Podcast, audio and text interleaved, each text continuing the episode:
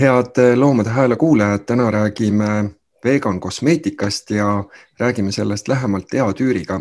Tea, räägi pisut endast lähemalt, millega sa tegeled ja mis seob sind loomusega?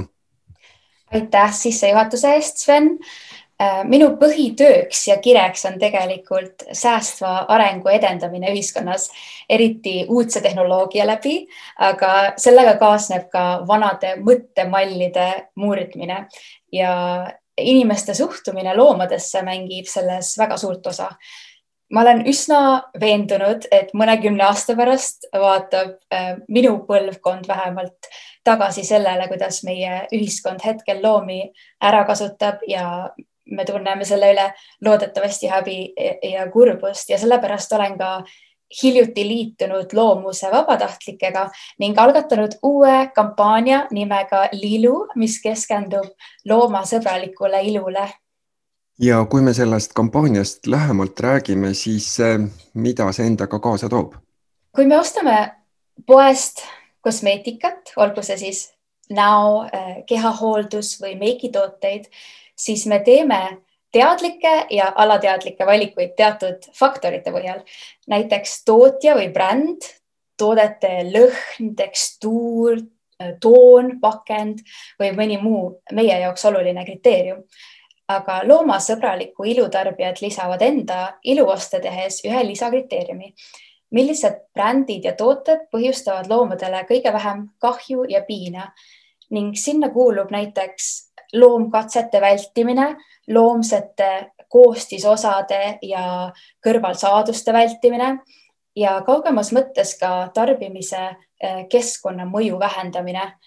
Ehm, esialgu tundub see paljudele inimestele nagu jube keeruline teema, sest et kui sa pole just kosmeetikakeemik ja sa vaatad kosmeetikatoodetel olevaid koostisosasid, siis tõenäoliselt sa saad heal juhul ainult mõne aine puhul aru, millega tegemist on aga siiski me kõik õpime iga aasta tasapisi, kuidas olla paremad ja teadlikumad tarbijad ning loomasõbraliku ilu põhitõdede omandamiseks ei kulu väga palju aega ja energiat.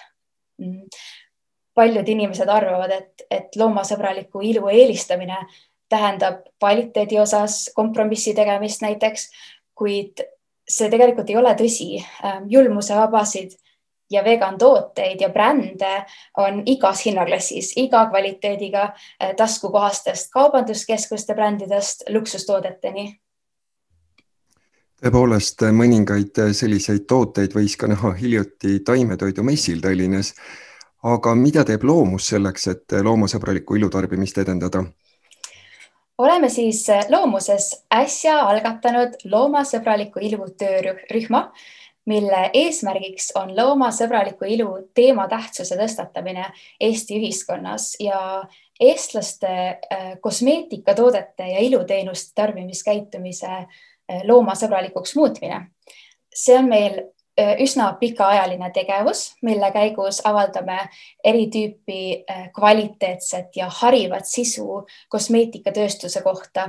me loome nii-öelda loomasõbraliku ilu teejuhise, et tavatarbijatel oleks lihtsam otsuseid teha ning kaardistame ja edutame vegan iluasutusi ja brände Eestis.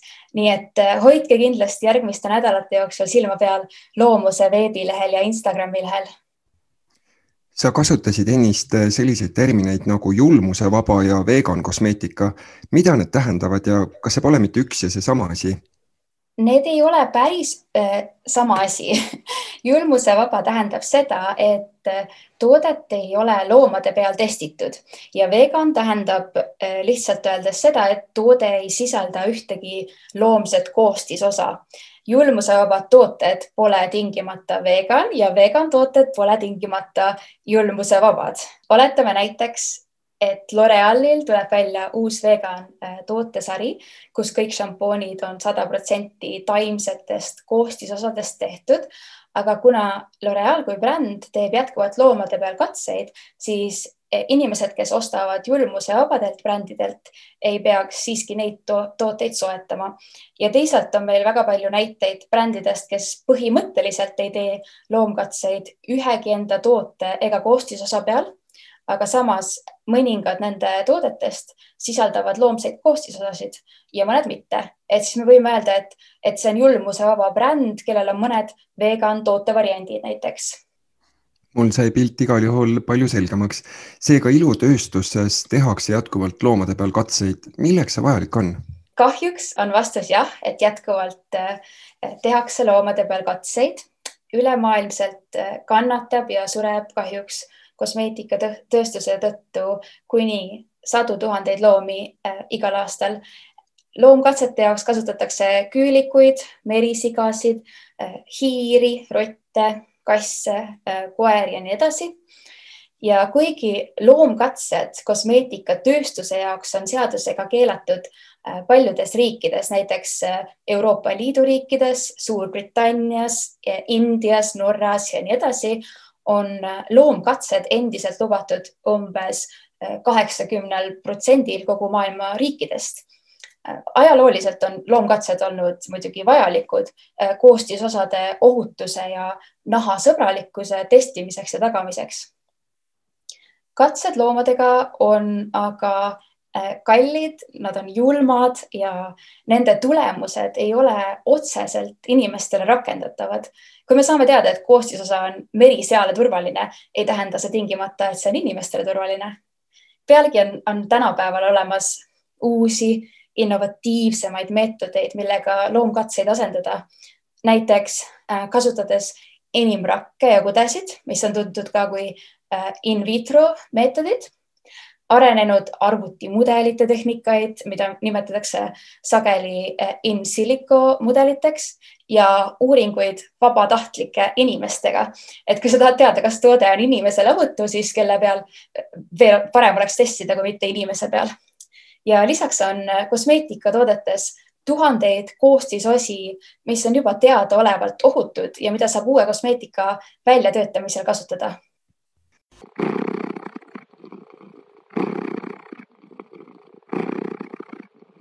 hea Loomade Hääle kuulaja, nüüd on ka sinu võimalus omapoolselt loomust toetada. mine kodulehele loomus.ee kaldkriips toeta ja vaata lähemalt, kuidas saad meile toeks olla. aitäh sulle ette!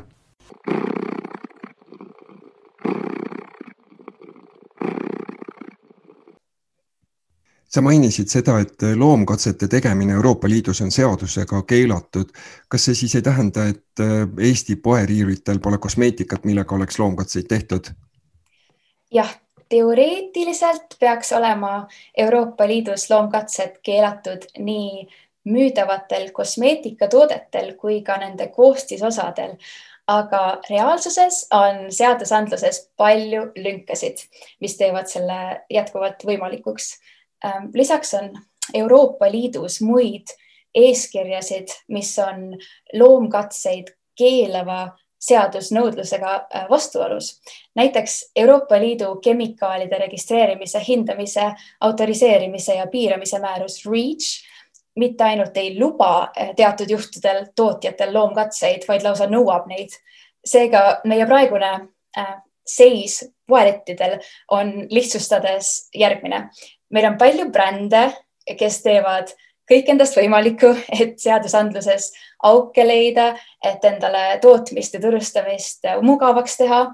meil on palju brände, kes on võtnud eetilise seisukoha, et nende meelest pole loomkatsed okeid ja nad on lubanud loomkatseid vältida ja neil on sertifikatsioonid, mis kontrollivad ja tõestavad, et nad ei tee loomkatseid ja äh, meil on ka brände ja tooteid, mis väldivad ka igasugust loomset päritolu koostisosasid, et, et tõepoolse, tõepoolest minimaalselt loomadele viga teha. Jah, üks hea näide on eelmisest aastast, kui Loomus tegi koostööd kosmeetikafirmaga Lumi ja nemad siis tegid huulepalsami, mis sisaldas CBD õli, oli täiesti vegan ja iga selle müüdud huulepolsemi pealt äh, annetati loomusele ka äh, veidi raha. aga kas meie ilu- ja kehahooldustoodetes kasutatakse palju tänapäeval loomseid koostisosi? jah, meie igapäevastes ilutoodetes kasutatakse endiselt loomset päritolu koostisosi ja kõrvalsaadusi.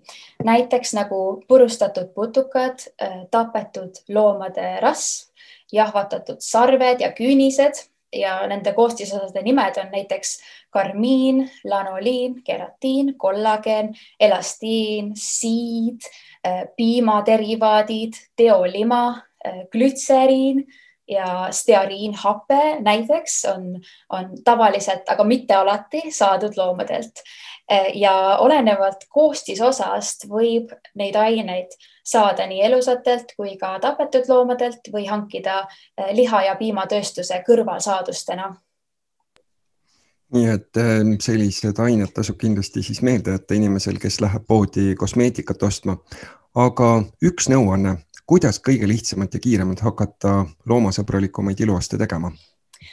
Ehm, ma annan kaks põhilist nõuannet, et äh, kindlasti äh, otsige poes märgistusi vegan, sada protsenti vegan, julmusevaba, cruelty free ja teisalt äh, kindlasti hoidke peal Liilu grupi tegevusel, jälgides loomust Facebookis ja Instagramis, sest meil on enne jõule palju head informatsiooni välja tulemas, mis aitavad teil eetilisemaid ilutoodete valikuid teha.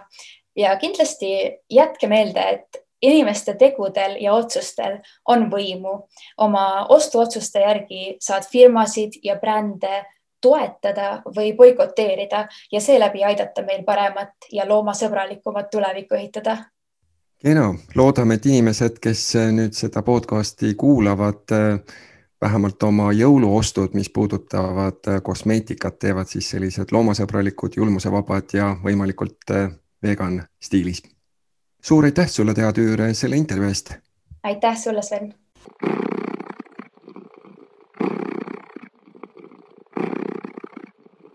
head Loomade Hääle kuulajad, tänases saates rääkisime pikemalt vegan kosmeetikast ja julmusevabast kosmeetikast.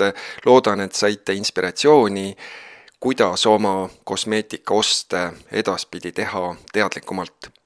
ja kui vaadata nüüd pisut ettepoole detsembrikuu peale, mis õige pea algab, siis Loomusel on tulemas loomasõbralike jõulude kampaania ja sellega alustame Facebookis esimesest detsembrist ja Loomuse Instagrami kontole tuleb kakskümmend neli ilusat soovi loomuse inimestelt ja taimsete valikute Instagramis on advendikalender ehk kakskümmend neli päevapühade ootust, kus on igasugu head pakkumised, loosid, promokoodid ja nõnda edasi. ja tuletan meelde, et esimesel detsembril, õige pea, on toimumas annetamistalgud, nii et hoidke ikkagi pilk loomuse kodulehel loomus.ee ja Facebooki lehel ning ka Instagrami kontol ning külastage kindlasti ka Loomade Hääle Facebooki lehte. saatejuht Sven Paulus tänab kõike kuulamast ja soovib mõnusat olemist